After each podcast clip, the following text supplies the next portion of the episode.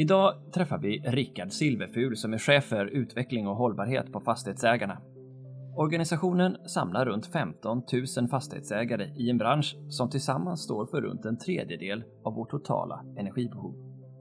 Därmed hamnar hållbarhetsfrågorna högt upp på dagordningen och en effektiv hantering av energi är en nödvändighet om vi ska ställa om. Hur ska det då gå till och vilka utmaningar finns i relation till energiföretagen och myndigheter? Kul att ha er med! Varmt välkommen till Energistrategipodden Rickard Silverfur. Tack så mycket. Och du är chef för utveckling och hållbarhet på Fastighetsägarna. Vill du berätta lite grann om eh, vad är din bakgrund och, och vad är Fastighetsägarna? Mm, jag börjar med mig själv då. Jag är civilingenjör, eh, väg och vattenbyggnadsteknik från KTH. Eh, tog examen där precis innan millennieskiftet kan man säga. Sen har jag vandrat runt lite inom samhällsbyggnadsbranschen. Jag har jobbat med konsultfrågor inom eh, bergbyggnadsteknik och vattenkraftdammar. Sen har jag jobbat lite med en nationell och internationell standardisering. Jag har också varit runt lite ute i världen faktiskt på eh, biståndsfinansierade projekt för att hjälpa återuppbyggnaden efter olika katastrofer, till exempel i Mellanamerika och i Sydostasien. Och sen mot slutet då så har jag, eller slutet är det ju fortfarande inte, jag är väl mitt uppe i, i karriären förhoppningsvis, men på senare tid så har jag ju varit byggherre och eh, jobbat med eh, det här eh, nya Karolinska Solna sjukhuset för landstinget.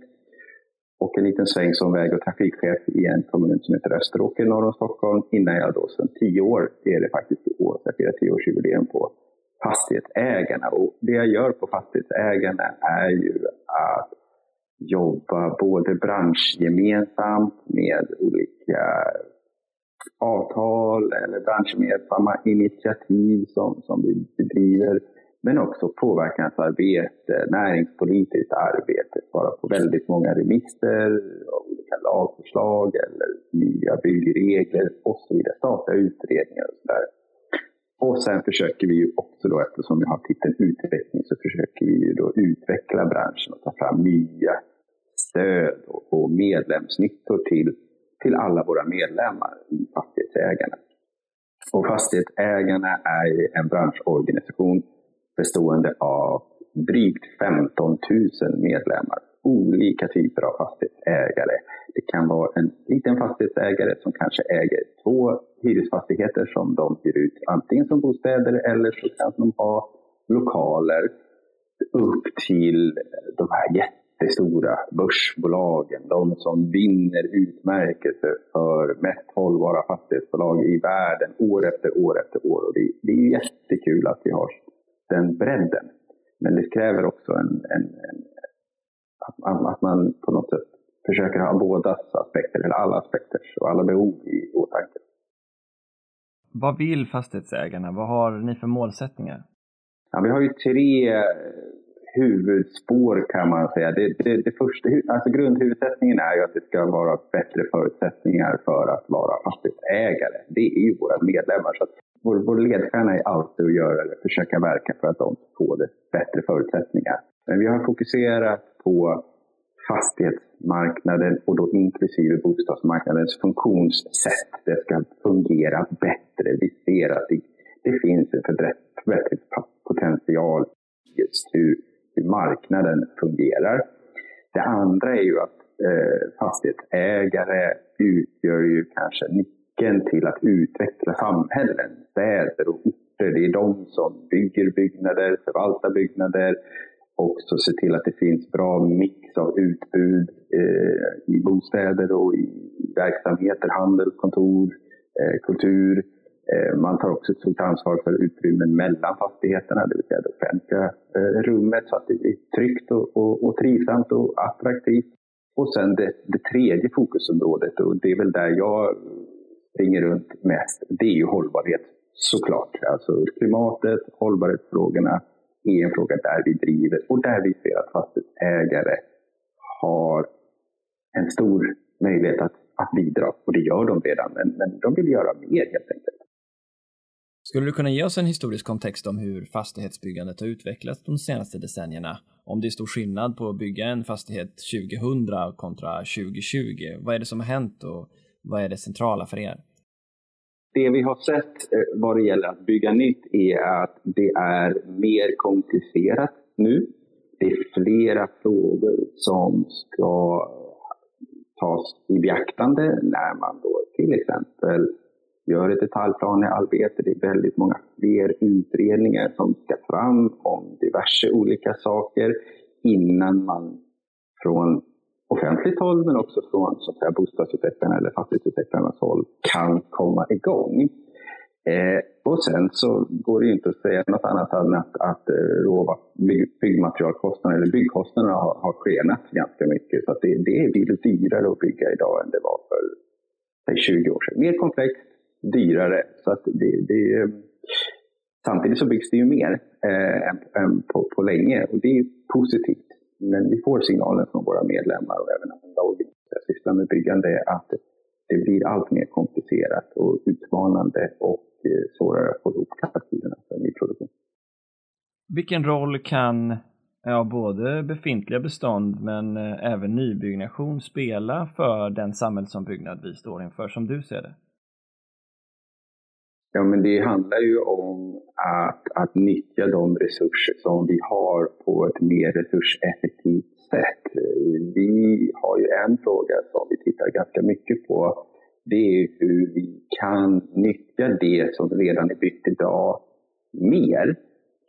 Vi, vi är inte tillfreds med att en stor del av ytorna, om man får säga kontorsytorna, butiksytorna, bostadsytorna och för den delen också egentligen inte används så mycket som man skulle kunna göra egentligen då. Det vill säga, ju mer man använder en redan i resurs, desto bättre är det ju för samhället. För då behöver man ju inte bygga nytt. Man behöver inte belasta energisystemet som vi kommer in på. Man behöver inte ta ut ny råvara från eh, marken eller skogen. Om, om man kan titta på det som redan står där idag. Så där tror jag att vi kan, i den här omställningen som vi är mitt uppe med klimatet och försöka vara lite mera klokare helt enkelt. Så tror jag att vi ska titta mer, eller jag tycker, eh, jag är övertygad om att vi ska titta mer på hur kan vi göra det lättare och mer, eh, alltså riva hindren för att nyttja det befintliga beståndet bättre. Hur stor är den utmaningen i Sverige? Hur är det, och är det lika spritt över landet? Det vill säga att det står tomma fastigheter, tänker jag. Ja, tomma fastigheter står, det beror ju delvis på marknadsläget eller marknadsförutsättningarna. Om man tittar på verksamheter som då kanske inte bär sig och lokalerna står tomma. Det är ju helt beroende på, på marknadsförutsättningarna. Det vill säga hur, hur ser eh, inkomsterna och utgifterna ut just för, för den verksamheten. Så det sprider sig också. Sen så har vi ju, och det här är ju mitt uppe i, analyserat att vissa ställen i landet så, så hittar man möjligheter att faktiskt kunna hitta alternativa eller ändrade användningsområden för de här lokalerna. Så att man inte behöver se tomma lokaler. För jag tror att ingen egentligen är glad över att det står tomma lokaler eller butiksytor eller, eller restauranger. Utan man vill att de ska vara fulla av liv helt enkelt. För det, det, det skapar ökad trivsel och, och med mera. Eh, och där finns det vissa ställen i landet, och där är vi mitt uppe i en analys, där, där man har hittat metoder för att just se till att stadslivet då, eh, faktiskt frodas. Eh, trots att det kanske då har siktande ändrade behov. Man kanske fyller med andra verksamheter, eh, kultur eller, eller ideella organisationer. Eller så hittar man en annan användning. Man går ifrån en butik till en restaurang eller till och med att man faktiskt också kanske kan göra om dem till bostäder. Men idag är det ganska krångligt om man inte då samarbetar. Så där försöker vi hitta och stimulera de här samarbetena. Och bara så jag förstår det rätt, det här gäller lika hög grad då inte bara tomma fastigheter utan fastigheter som också delvis utnyttjas? Det, alltså man, man, kan, man kan dyka ner i olika lagstiftningsspår och hitta hinder. Det finns ju såklart ett inom plan och bygglagen. Vad står det i PBL? Vad får man använda fastigheten till respektive inte? Vi har ett hinder i momslagstiftningen som är alldeles för komplicerat för att jag ska kunna förklara det. Och sen så har vi något som heter indirekt besittningsskydd vad det gäller hyressättningen. Det vill säga att den här lokalen, eh, man kan inte eh, säga, dela upp lokalen, delytor och försöka maximera nyttjandet, utan då kanske delar av lokalen inte nyttjas och så står den tom och så vidare. Så det, det, det, finns flera olika, och det, det är oavsett om det är hela fastigheten eller om det är lokal i bottenvåningen som kanske bostadsrättsförening har. Det är ju svårt att inte osökt tänka på att ni står inför samma typ av tematiska utmaningar som energibranschen gör. Ni vill ut, utnyttja de resurser som finns i systemet på ett så optimalt sätt som möjligt. Ni vill kunna utnyttja och använda befintliga fastigheter istället för att utnyttja råvaror för att bygga nytt. Precis som skogen resonerar om att använda restflöden istället för att eh, använda eh, prima råvaror. Eh, ni vill bygga ökad flexibilitet för att utnyttja resurserna på ett bättre sätt, eh, vilket ju är teman som hela tiden återkommer när jag diskuterar energibranschen. Hur minskar vi ner resursutnyttjandet så mycket som möjligt och hur ökar vi flexibiliteten för att möta en, en ökad mångfald av behov? Um, känner du igen dig i det, den beskrivningen? Jo, men visst är det så. Det är, vi står inför samma, samma eh, utmaningar där vi har säga, en förändrad situation. Vi, vi vill se nya eh, möjligheter eh, och där vi ju då, precis som du säger, det finns väldigt stora investeringar tagna då i, i både utbyggd kapacitet vad det gäller energiproduktion och energiöverföring. Eh, kanske inte tillräckligt just för det senare. Men, och på våra, från våra sida, då, fastighetsbranschen, så finns det som sagt väldigt stora investeringar tagna och framförallt jättestora värden i den byggda miljön. Eh, som i sin tur också utgör egentligen säkerhet för hela vårt pensionssystem och banksystemet. Så att det, det, ska säga att nyttan med att utnyttja det byggda beståndet mer är, är enormt stor. Och mm, ni, eh, så här, ni då, om du får identifiera dig med, med alla fastighetsägare i Sverige, eh, eller de flesta av dem i alla fall, eh, står också för en ganska stor del av den svenska konsumtionen av energi. Och då så läste jag, vi diskuterade senast, att det har kommit en studie som visar på att samhället kan spara så mycket som 800 miljarder kronor fram till år 2045 genom energieffektiviserande åtgärder. Det är rätt mm. mycket det. Visst är det det. Och det där är en studie som vi faktiskt lanserar här nu då. Eh, i, just idag när det här spelas in, släpps det väl här dagen efter då. Men idag är det tionde Eh, Eh, november, då släpper vi en rapport som heter Grön logik. Och den har vi tagit fram då med, med andra branschorganisationer, energieffektiviseringsföretagen, innovationsföretagen, installatörsföretagen, Svensk Ventilation och Swedisol. Och, och vi har låtit en, en konsultbyrå, byrå, Antesis, titta på, så att säga, om man adderar värdet av energieffektiviseringsåtgärder som då tillfaller fastighetsägaren, villaägaren och i, viss mån då såklart nyttjaren av det här.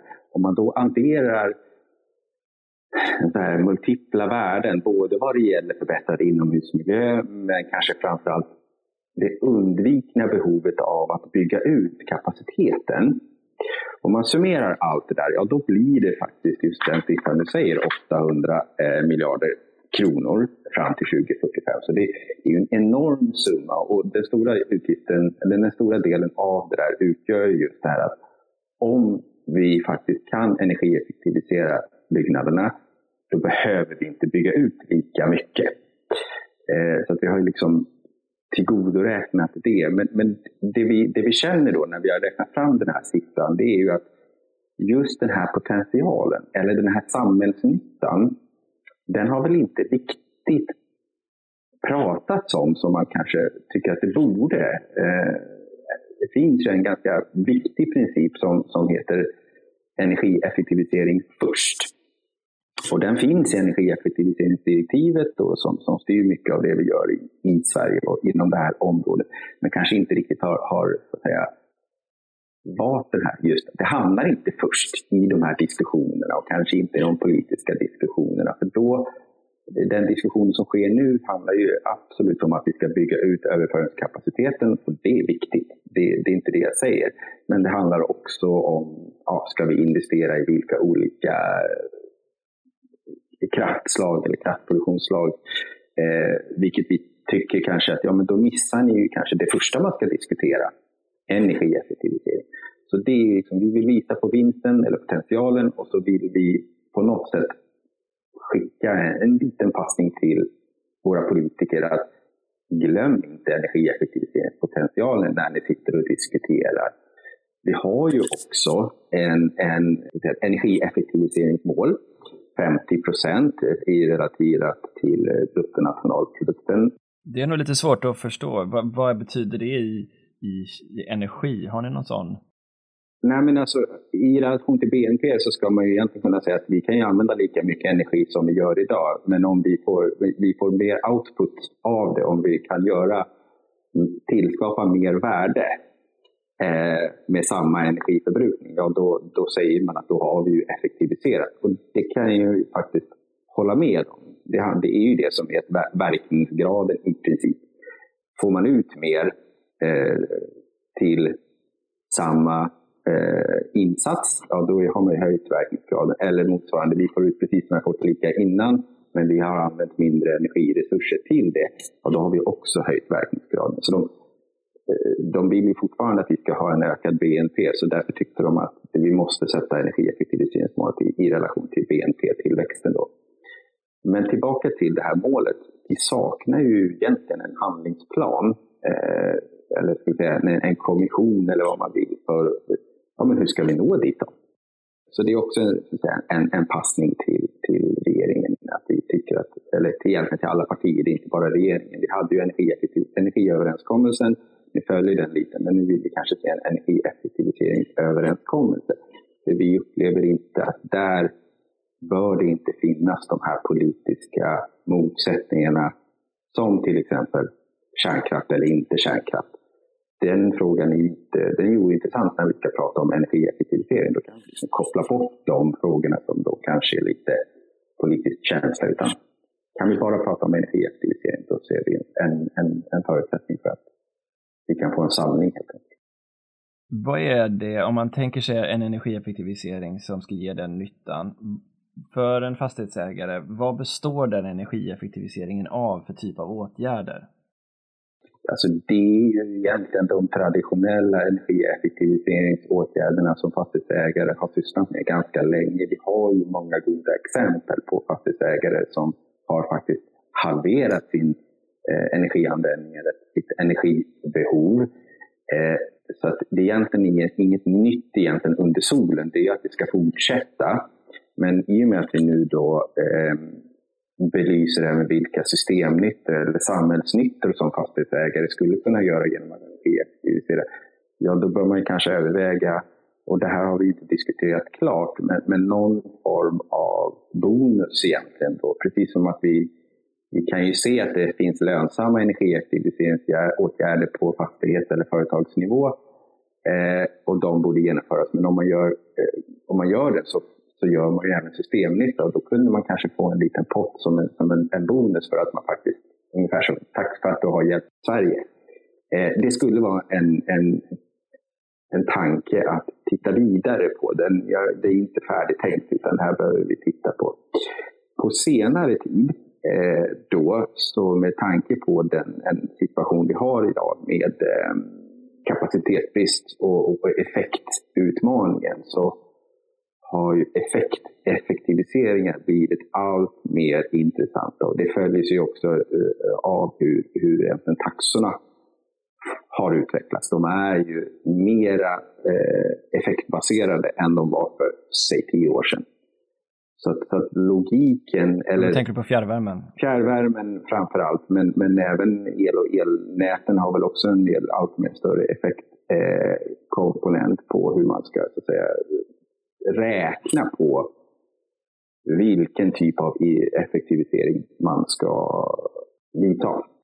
Men är det här det, det liksom knyter sig då? För jag tänker, när jag frågade dig om vilka liksom, åtgärder man gör för klimateffektivisering mm. liksom, eller energieffektivisering så kan jag tänka mig bara då, men du får bekräfta det, det är, vi kan ha snålspolande eh, duschmunstycken för att ta det enklaste exemplet eller så kan vi byta ut fönsterrutor, vi kan inte sätta in en, en, en recirkulationspump av det varma, den varmluften på vinden eller vi kan eh, isolera vinden. Um, Och flera av de där åtgärderna är ju rätt kostsamma och då är alltså er fråga så här, hur får vi igen den investeringen det innebär att byta något så dyrt som fönster i en hel fastighet?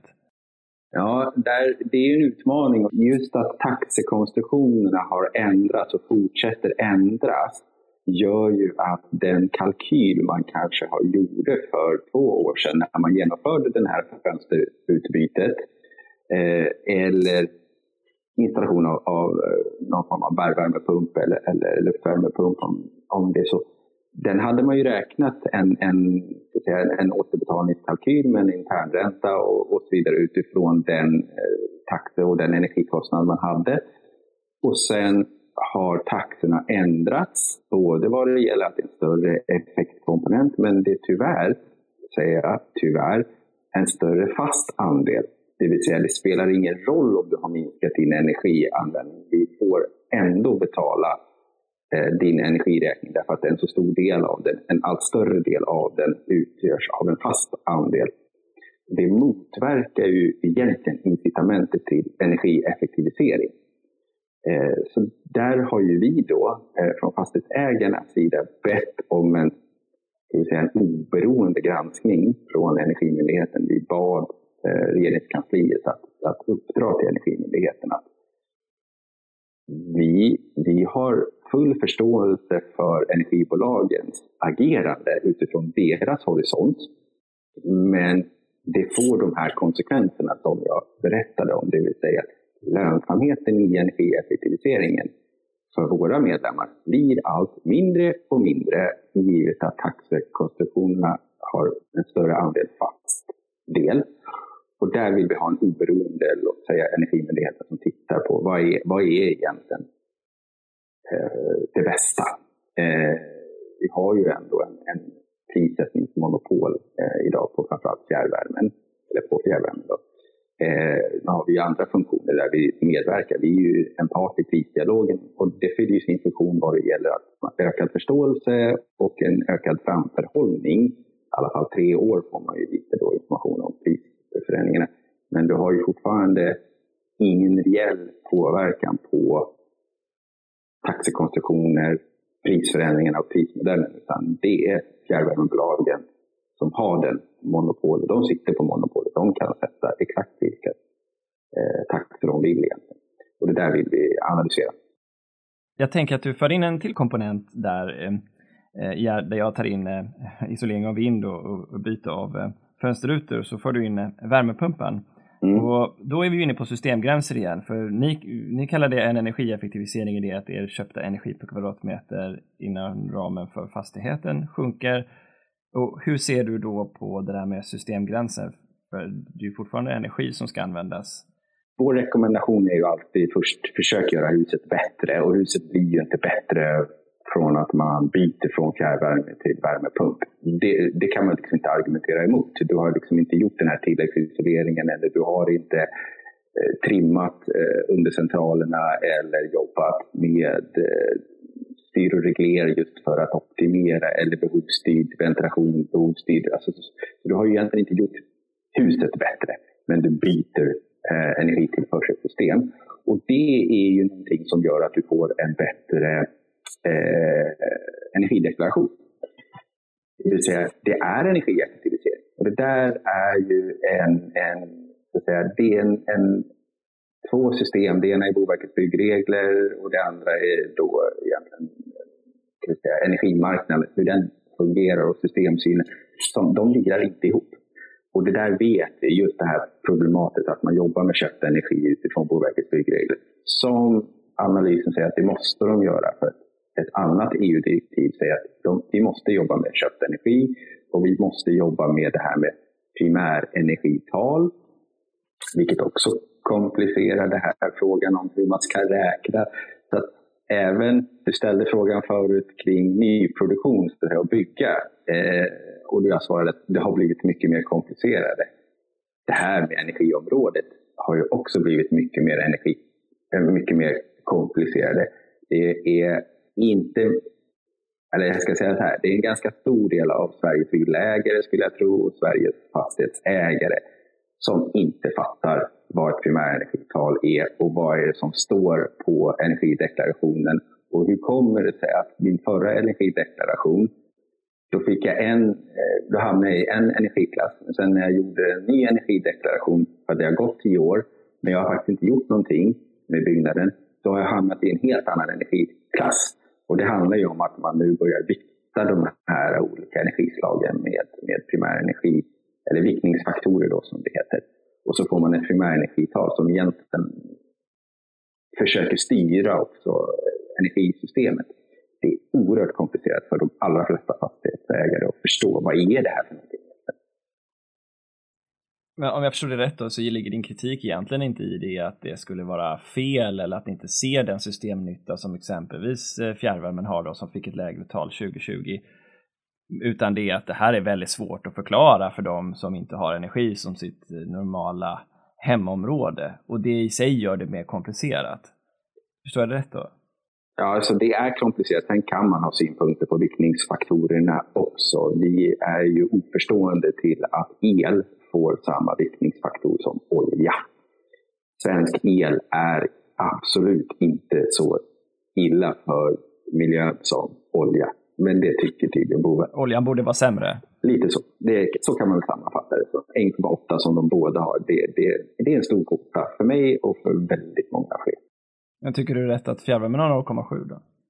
Alltså det, det, jag kan tycka att fjärrvärmen skulle ha ett och sen så skulle de andra då ha, 0,7, för det går ju tillbaka lite på den här energieffektiviseringsbiten också. Det vill säga om du minskar ditt värmebehov, fjärrvärme, med så att säga 10 kilowattimmar, för att ta något enkelt.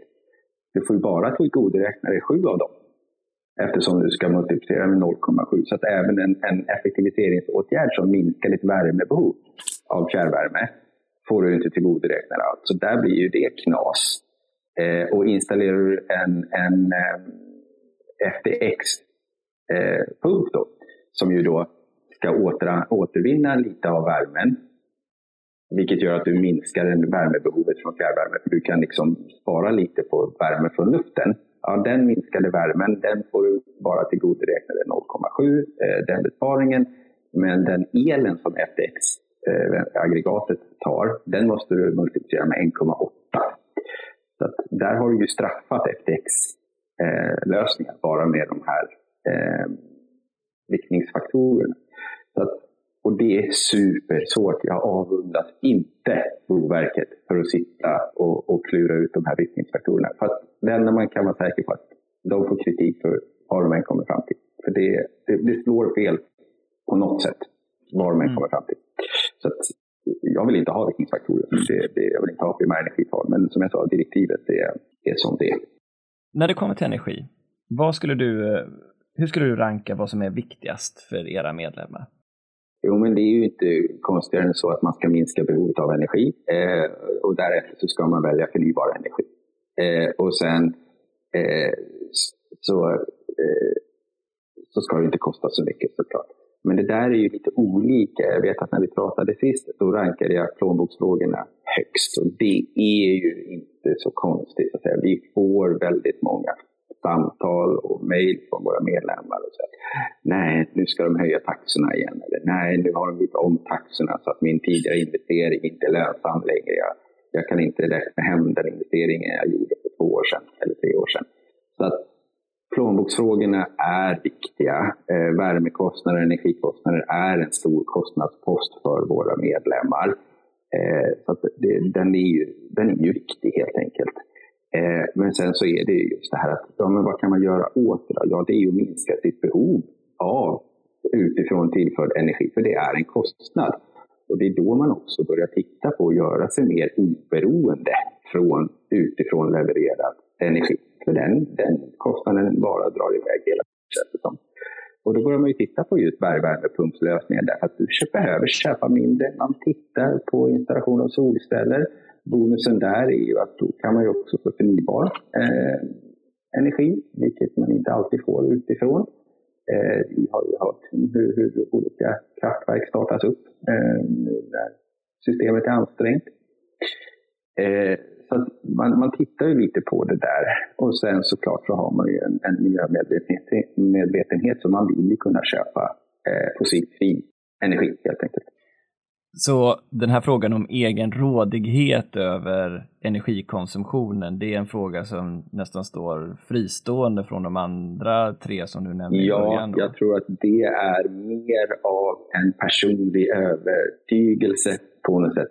Vissa människor gillar att ha eh, mer rådighet och vissa företag vill ha rådighet över flera olika situationer. Det handlar inte bara om energibiten såklart. Man vill ha rådighet om sin egen fastighetsförvaltning för att ta ett helt annat, eh, så att säga. men också vi har ju också så här, två skolor inom, inom eh, våra medlemskår. Så att säga. Antingen så har man alla sina fastighetsförvaltare och den tekniska förvaltningen in-house, så att säga. Man har sin egen personal som är de som springer runt i, i husen och klappar om dem. Eller så köper man in en tjänst från en extern leverantör och båda funkar ju. Det är ju egentligen bara ett, ett tycke och smak egentligen, att en, en, vilken övertygelse man har. Och egentligen samma sak skulle jag säga råder kring den här rådighetsfrågan. Vi har ju många företag, eller medlemmar ska jag säga, som tycker det är toppen att få en så att säga, all inclusive leverans från sitt fjärrvärmebolag eller energibolag. Behöver de inte så att säga, bry sig om rådigheten utan de, de köper den energi eller till och med den komforten. Vi har ju många nu som börjar leverera. Vi levererar er komfort inne i ert hus. Så behöver inte ni, ni behöver inte bry er, säger många energileverantörer. Och det är många av våra medlemmar som tycker det är superskönt och bra. Då har man ju köpt in det, precis som man köper in en, en fastighetsförvaltning. Men sen så har vi ju flera som tycker att nej men det här, jag gillar inte att jag är så beroende av omgivande energileverantörer. Så jag vill börja kunna styra och kontrollera och producera egen el. Och nu från årsskiftet så kommer vi in på det så får man ju också börja flytta el mellan byggnader. Så det är ju många som tycker att det här var spännande. Nu kan jag börja optimera mitt bestånd och liksom till och vara, vara min egen herre lite över, över energianvändning. Just det. Det här förslaget om microgrid som kom här nyligen. Men eh, du nämnde då i början av intervjun resurseffektivitet, vilket är ju något som går igen i alla delar av energibranschens diskussioner också. Och du nämner klimatanpassning och energieffektivisering som också känns igen. Eh, du nämner ökat behov av flexibilitet som ju också absolut känns igen, både från el och eldistributions elnätssidan likväl som från fjärrvärmesidan. Och så nämner du nu möjligheten till självförsörjande, vilket känns igen från hela samhällsdebatten. Men eh, om det nu är så, eh, och jag kommer till dig som, som hyresgäst av en industrifastighet eller en vanlig fastighet, så säger jag så här, vet, jag har inte behov av 100% av lokalen längre, jag vill bara ha 10%, jag vill bara ha 15%. Var, var, var tionde dag eller var sjunde dag så vill jag vara i fastigheten. Och jag möter dig och du argumenterar med mig och säger, men vänta nu Niklas, jag har ju fastigheten hela tiden. Du kan ju inte hyra den här, det här utrymmet en dag i veckan, då måste du betala hela hyran. Har ni förståelse för det argumentet när det kommer till prissättningen för både elnätet och fjärrvärmen som då i högre grad liksom tar ut en, en långsiktig kostnad på att man, även om det så är en, bara en del av året, har stort behov av den energin som, som de här två systemen tillhandahåller? Ja och nej. Eh, just den här tagna investeringar och, och möjligheten att då eh, kunna hitta alternativa inkomster, den var ju det vi tittar på ganska mycket nu. Då, det vill säga att vi vill ju inte att lokalerna ska stå tomma. Eh, om man då har en hyresgäst som bara vill nyttja en del av, av, av tiden, utan då vill man ju hitta alternativa intäktskällor. Och det är väl den vi saknar även i energibranschen. Vi ser inte hur energibranschen då jobbar med att hitta alternativa intäktskällor eller inte försöker ta ut den här kostnaden för, för så att säga, hela året eller hela investeringen. Eh, därför att de har inte det incitamentet och de har inte den uppgiften. Så jag tror liknelsen inte riktigt funkar där. Eh, utan, utan, här vill ju vi betala lite för eh, det man faktiskt använder, precis som hyresgästen. Man förstår att det finns en investeringskostnad som, som man behöver täcka. Men Eh, just den här eh, övergången till eh, effektbiten, som jag sa, det finns en förståelse utifrån deras perspektiv, men, men utifrån användarens perspektiv så, så är vi inte övertygade om det är, är rätt väg framåt. Men ni kan ändå ha förståelse för det låter det som då. För att om jag skulle dra det exemplet lite längre då och säga att alla vill ha bara måndagar. Så ni har ett fullt behov av, av mängder av kunder som just måndagen i veckan kommer och säger nu vill vi alla ha en del av den här fastigheten. Eh, då, då, får ju ni samma typ av problem eh, skulle haft som, som energibranschen har vintertid, den kalla dagen då man antingen kanske ska spetsa sin, sin eh, bergvärmesystem med, med, med el eller värme, vilket system du än vill och så vill alla som av en händelse just ha samma dag Eh, förstår branschen den logiken? Att, att det är svårt att hantera? För det, det är ju inte, en, eh, tänker jag, kanske en, en oginhet bara från energibranschen utan också en, en de facto problematik. Eh, hur, hur, ser du på det? Alltså, det här är ju en, en mångfacetterad diskussion. Det är många komponenter och jag förstår att det här diskuteras väldigt mycket. Vi ser ju positivt på de här uppbyggnaderna av olika flex marknader, flexibilitetsmarknader.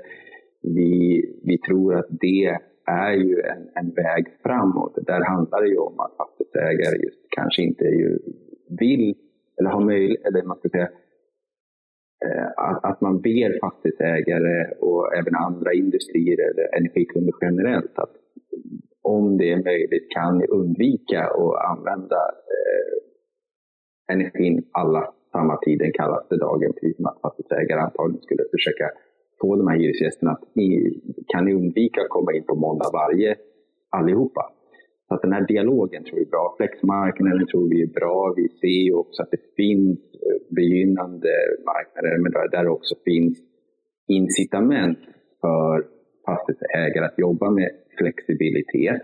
Utan att ha detaljstuderat allting så tror vi hellre att potentialen i till exempel industriell restvärme inte är tillräckligt utnyttjad. Vi har väl ungefär 8 procent bara eh, av industriell restvärme i våra fjärrvärmenät om vi tar det då, för det är där jag kan mäta ner den eller el.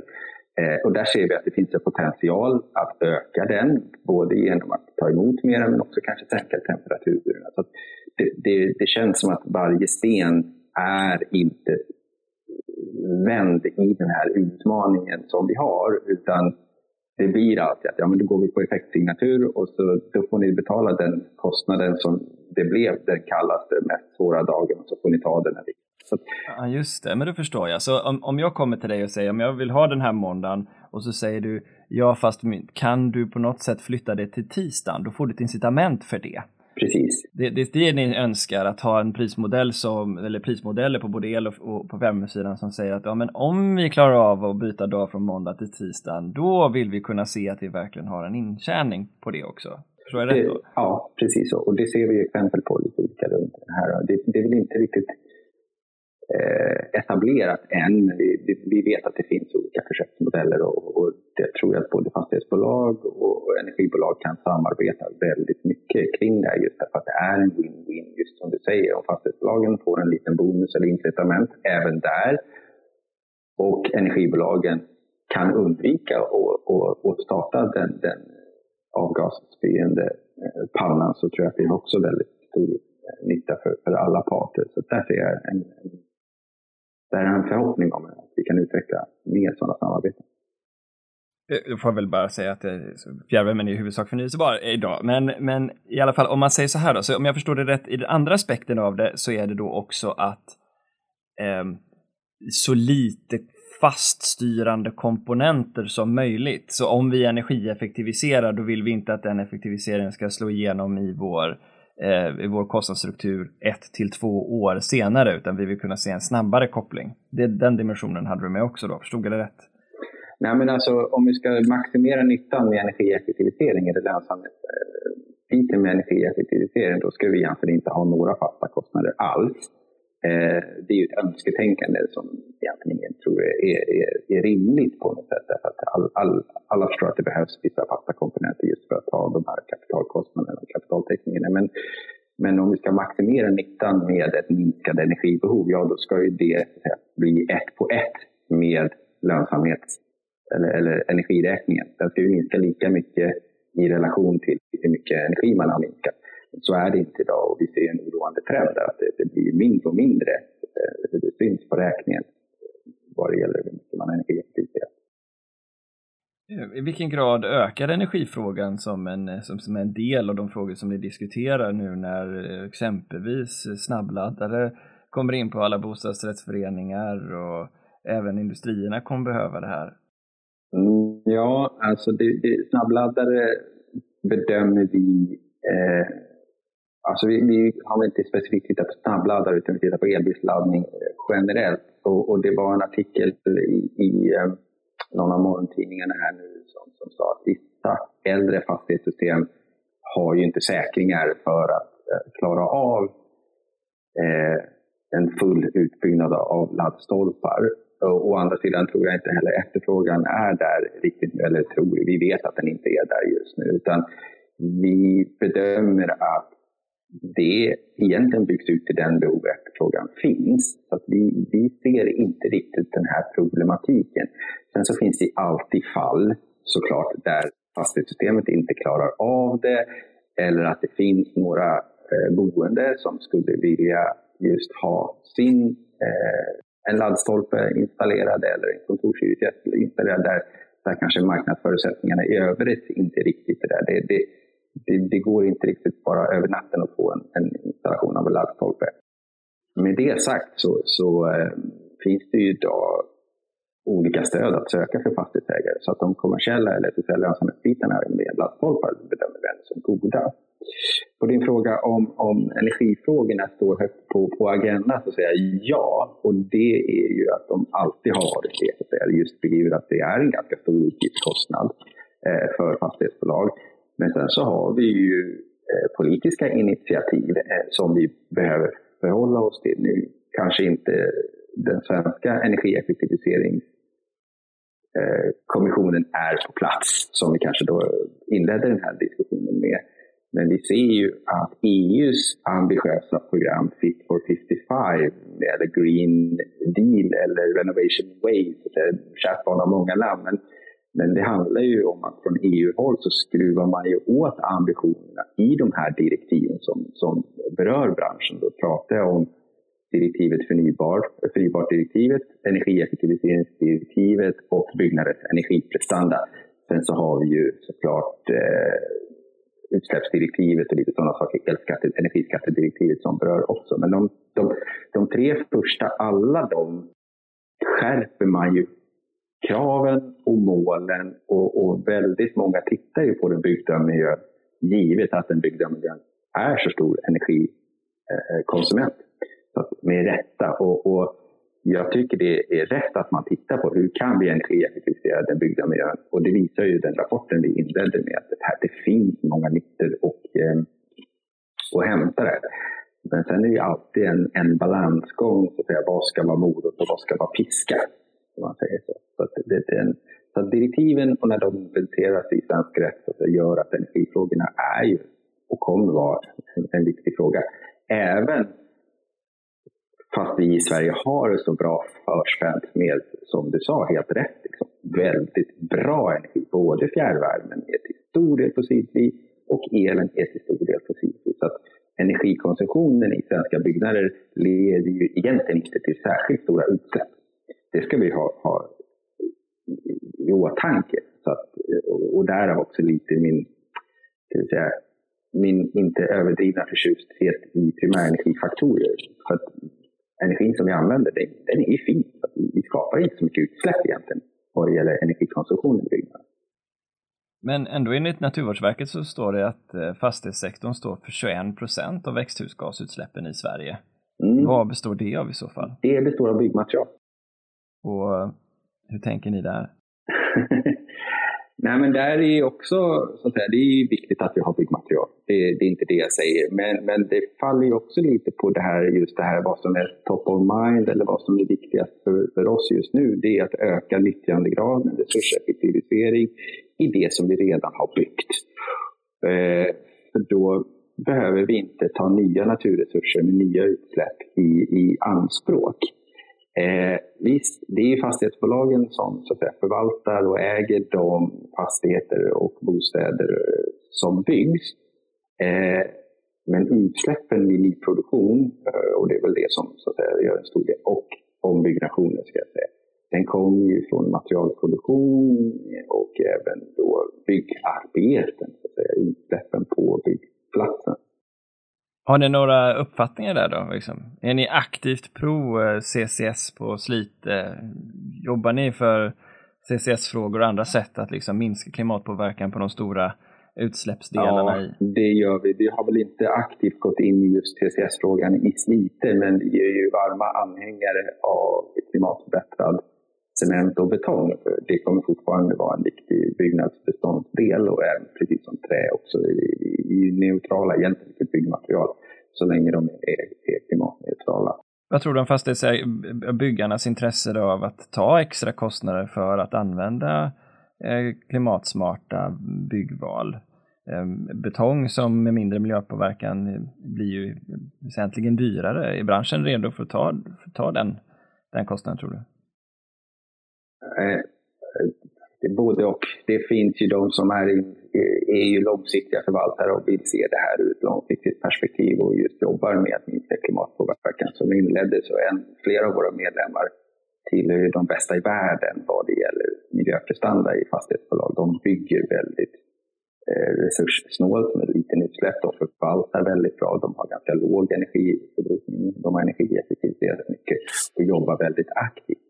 Eh, sen så finns det andra aktörer som, som kanske är mer priskänsliga och, och, just inte är beredda att investera kanske de, de här extra kronorna det, det krävs för att använda de mer miljövänliga materialen.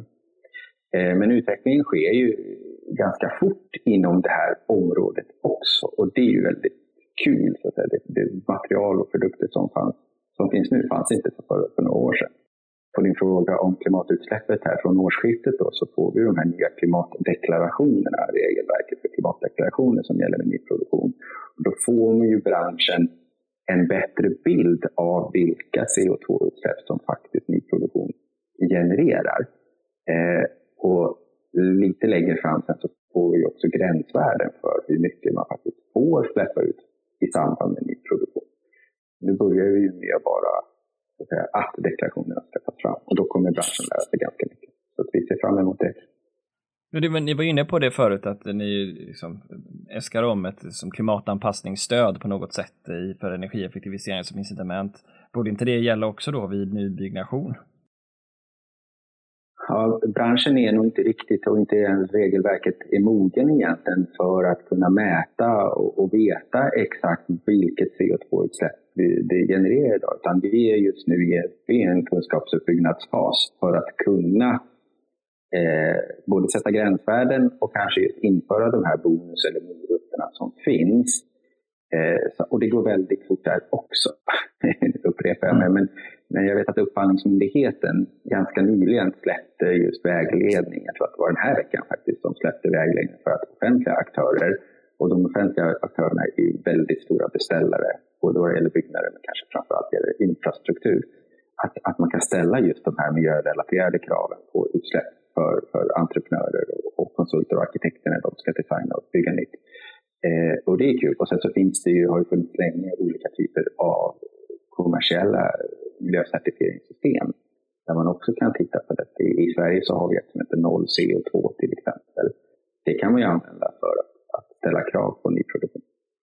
Jag, jag tänker så här, om, om, säg att plånboksfrågor är en fråga som ligger högt upp i energianvändningen och så kommer ett, eh, säg ett energibolag och så drar de in avfallsfrågan i det här och säger att ja men herregud fastighetsbranschen ger ju upphov till ja, 30-40 procent av det, hushålls, av det, av det eh, verksamhetsavfall som, som vi behöver energiåtervinna. Eh, blir det också för komplicerat för många av dina medlemmar? Eller, eller, för jag menar, det handlar ju om att ta ansvar för liksom någon form av kollektiv eh, liksom, förnyelse av beståndet och som kommer till, mm. hur, hur, vad, vad händer då som, som du ser det och hur resonerar ni kring den resurseffektivitetsfrågan? Nej, men det, det, den lilla bit som utsläpp som finns kvar i fjärrvärme så är det just plasten som finns i avfallen. Och det är både hushållsavfall, verksamhetsavfall och byggavfall där det tyvärr finns fortfarande ganska mycket plast. Eh, huvudansvaret för det är ju plast producenterna. Det, det ska man inte sticka under stol med. Att det, man ska liksom inte riktigt peka finger åt vare sig konsumenterna, fastighetsägarna eller för den delen eh, avfallsförbrännarna i form av fjärrvärmebolagen. Utan det är plastproducenterna. Det är plastindustrin som ska, som ska bära hundhuvudet här. Då. Eh, nu har vi den situationen vi har där vi behöver få bort plasten. Och där har, kan vi med glädje se att det är ett gemensamt problem och vi ser olika samverkansprojekt eh, som, som vi, både vi och energiföretagen är inblandade i. För hur kan vi eh, hjälpas åt att sortera ut mer, både vad det gäller så här, i miljörummen eller en, om man tar på hushåll. Det börjar ju i köket, eller snarare det börjar i affären att man inte ska köpa plast. Men, eh, Eh, så det är en ganska lång, men sen så har vi också sett med glädje att vissa har ju börjat med Vissa kallar det eftersorteringsanläggningar eh, för plast. Jag kallar det försorteringsanläggningar för plast, att man sorterar det innan man eldar det. Så det är före man eldar det. Och det är perspektiv, det är en ganska rolig perspektivbild så att säga. När de säger eftersortering eh, vi har ju några stycken som har, och det är jättebra grejer, liksom. det är inte det. Men de kallar det eftersortering, jag säger försortering, för att de gör någonting före de energiåtervinner.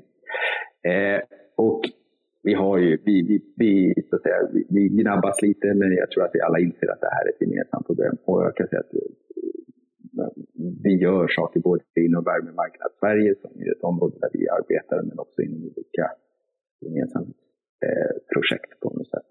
Sen så finns det också diskussioner, var ska det här redovisas då, rent utsläppsmässigt, om man ska börja grotta ner sig i GHG-protokollen. Just nu så är det att våra bolag får redovisa det här i, i Scope 2, inköpta eh, fjärrvärme, för det är där det kommer. Eh, men man kan ju finns diskussioner om det ska redovisas i Scope 3 också eftersom man då lämnar ifrån sig plast.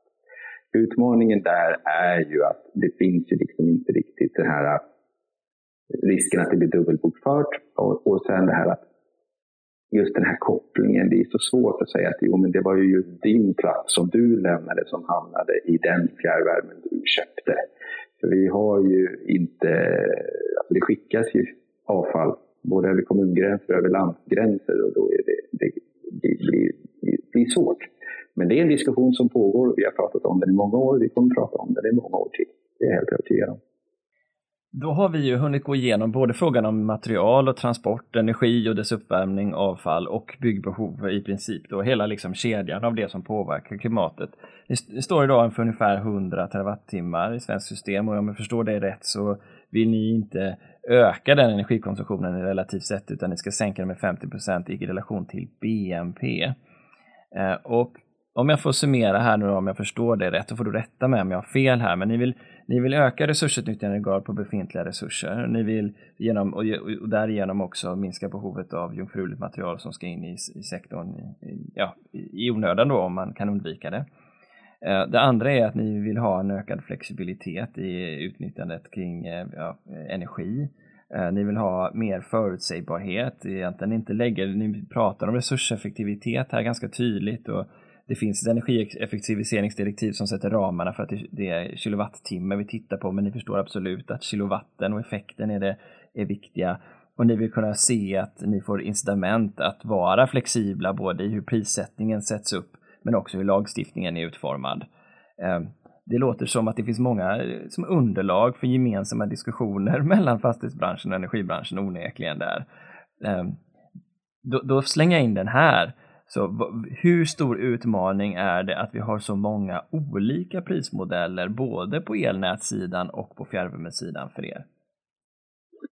Jo, men det är en stor utmaning. Jag tror att det var kollegor till er som gav en rapport förra året eller om två år, att det är 96 olika eh, prismodeller och använder ordet korrekt prisdjungel.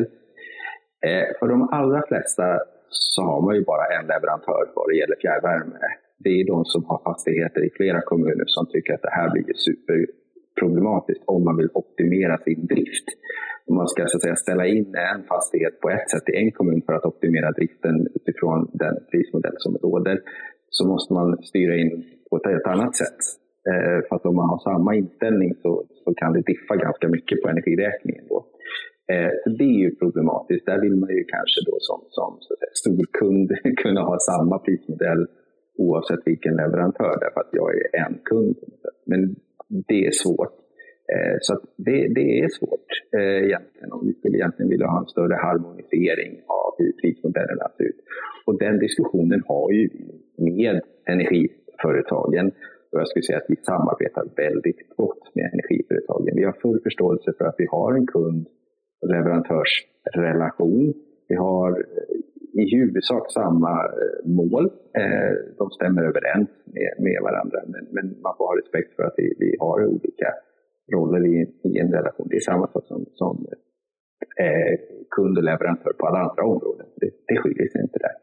Eh, vad, jag, vad de här energi effektivisering, de olika direktiven på EU-nivå, samarbetet med, med departementen, så upplever vi då som branschorganisation ett väldigt gott samarbete med övriga branschorganisationer och med, med regeringskansliet. Så där, är, där har vi väldigt gott förspänt vad det gäller det politiska påverkansarbetet. Vi, vi, vi tycker väldigt ofta likadant i, i Sverige gentemot EU på något sätt. Så att när, när vi åker ner till Bryssel, oavsett om vi representerar en branschorganisation eller hela landet i form av regeringskansliet, så, så kan man säga att jo, men vi står faktiskt enade och vi har pratat ihop oss. Det är en, det är en unik fördel.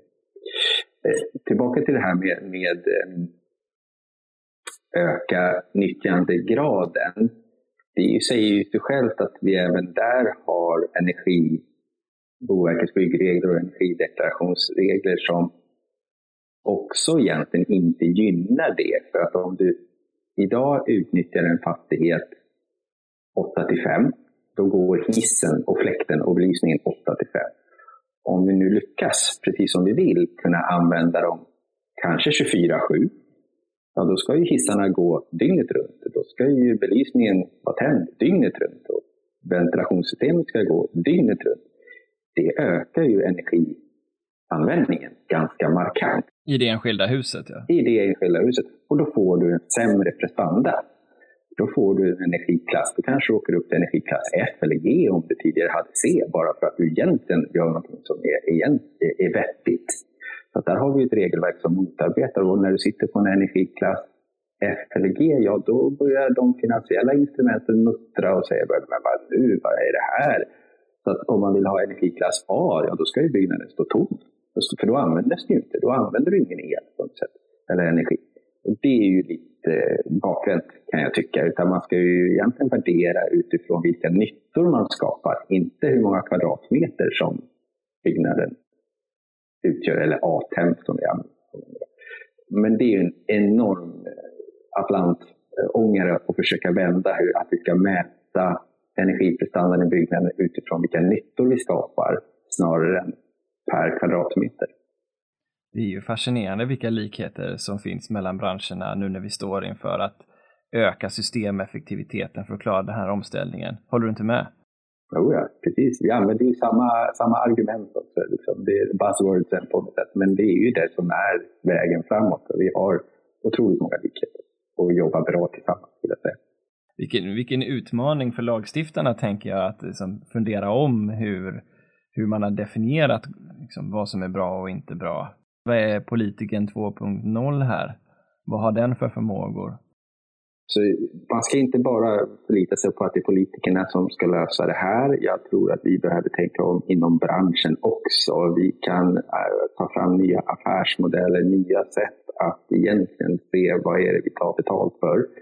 Eh, Eh, vilka nyttor, att vi tar betalt för nyttorna, att man kanske pratar om att ja, men det här är en tjänstebransch, det är tjänsten vi betalar för. Vi, vi, det spelar ingen roll hur många kvadratmeter du hyr eller hur många kvadratmeter den här energianvändningen ska fördelas på. Det är de här nyttorna. Det är ju lika mycket en affärslogik som behövs. Eh, sen så får ju de så att säga, styrmedlen får ju inte sätta hinder för det. Så mycket av, av det vi jobbar handlar ju mer om att riva hinder så att den här möjligheten skapas att, att tänka om. Och där tror jag att vi har digitaliseringen eh, som en stor möjliggörare att skapa den här nya affärslogiken. Och sen får vi politiken som alltid följa efter. tror du vi kommer klara det? Tror du vi kommer klara den här omställningen till ett helt hållbart samhälle? Eh, ja, men man får vara väl optimistisk det tycker jag att vi, vi det, det, ska vi se till att klara av. Absolut. Tack så hemskt mycket för att du var med i podden Rickard. Tack ska du ha. Nästa vecka träffar vi Marcus Vråke som är chef för Energiforsk. Och han har med uppdrag från Nordiska ministerrådet samarbetat med våra grannar om hur vägen mot ett netto noll-samhälle i Norden kan se ut. Hur skulle det vara möjligt? Vilka prioriteringar krävs? Och vilka kan alternativen vara? Hoppas vi hörs då. Podden produceras av Sigholm, din samarbetspartner med energi i fokus. Just nu söker vi förstärkning inom områdena systemutveckling, management och projektledning. In och läs mer på sigholm.se karriär.